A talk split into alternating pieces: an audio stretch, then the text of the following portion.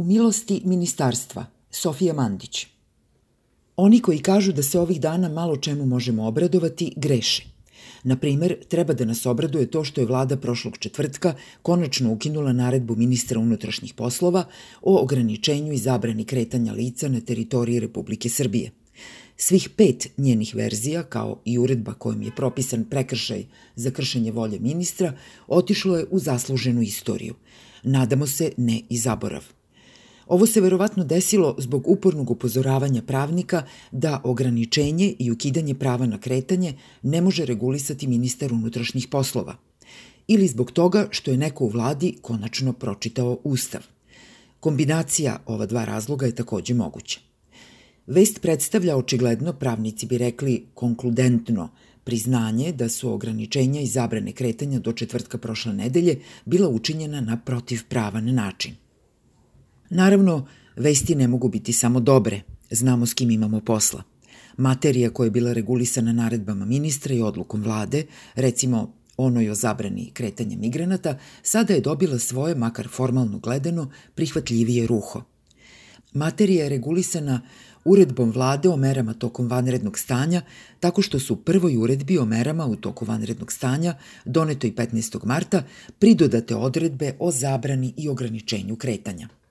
Pomenuta uredba je tokom četiri nedelje vanrednog stanja menjena čak osam puta, dakle u proseku dva puta nedeljno – Ovo dovoljno govori o tome koliko vlada Srbije zajedno sa predsednikom planski upravlja krizom, a još više govori o tome koliko je vremena na raspolaganju građanima da se sa promenama upoznaju i saznaju na koji način smeju ili ne smeju da se ponašaju. Tako nije iznenađujuće što ovih dana pojedini sudovi izvorom prava, odnosno osnovom za donošenje svojih odluka o pritvoru, smatraju javne nastupe predsednika – Sada kada je konačno i vlada, uz supotpis predsednika, mada i dalje bez odluke Narodne skupštine, stala iza pravila o zabrani kretanja, konačno možemo da pričamo o njihovoj suštini. Pre svega o srazmernosti zabrana i njihovom doprinosu proklamovanom cilju zaštiti javnog zdravlja. Uredba i dalje potpuno zabranjuje kretanje licima starijim od 65 godina, odnosno 70 godina u manjim mestima, sa izuzetkom izlaska petkom od 4 do 7 ujutru. Ostatku populacije na raspolaganju ostaje 12 sati kretanja od ponedeljka do petka sa izuzecima za izlaske vlasnika kućnih ljubimaca. Uredbom je posebno naglašeno ograničavanje kretanja tražilaca azila i irregularnih migranata smeštenih u centre za azil i prihvatne centre.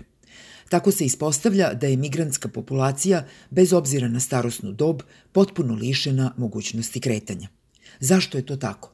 Uredba kaže da je razlog za donošenje ovakve odluke sprečavanje nekontrolisanog kretanja lica koja mogu biti nosioci virusa. Nismo li svi mogući nosioci virusa ili se samo osmoj verziji uredbe potkrala otvoreno diskriminatorska i rasistička izjava?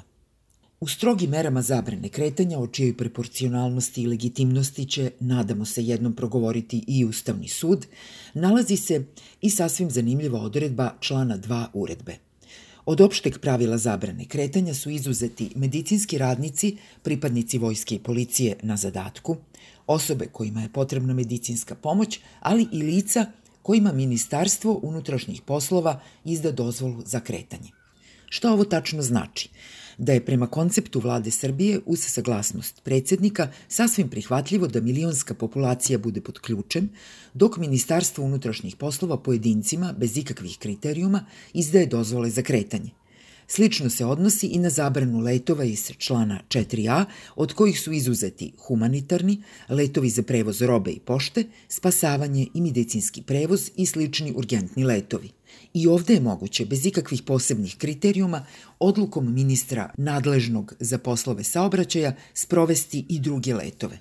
Pre nekoliko meseci smo u slučaju pritvaranja Aleksandra Obradovića iz Krušika ovde samo hiperbolično naglašavali da vlast sanja trenutak u kome će svi razumni, prisebni, a pre svega hrabri građani biti zabravljeni, a oni suprotnih karakteristika, a naročito ako su na vlasti, slobodni.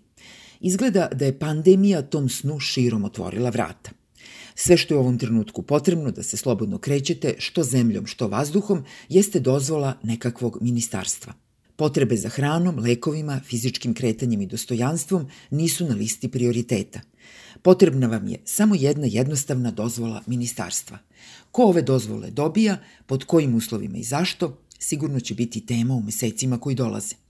Ova pitanja za sada možemo da postavljamo samo u vetar, jer su rokovi za postupanje, ali i suštinski pristup organa javnih vlasti u davanju informacija od javnog značaja suspendovani do daljnjeg.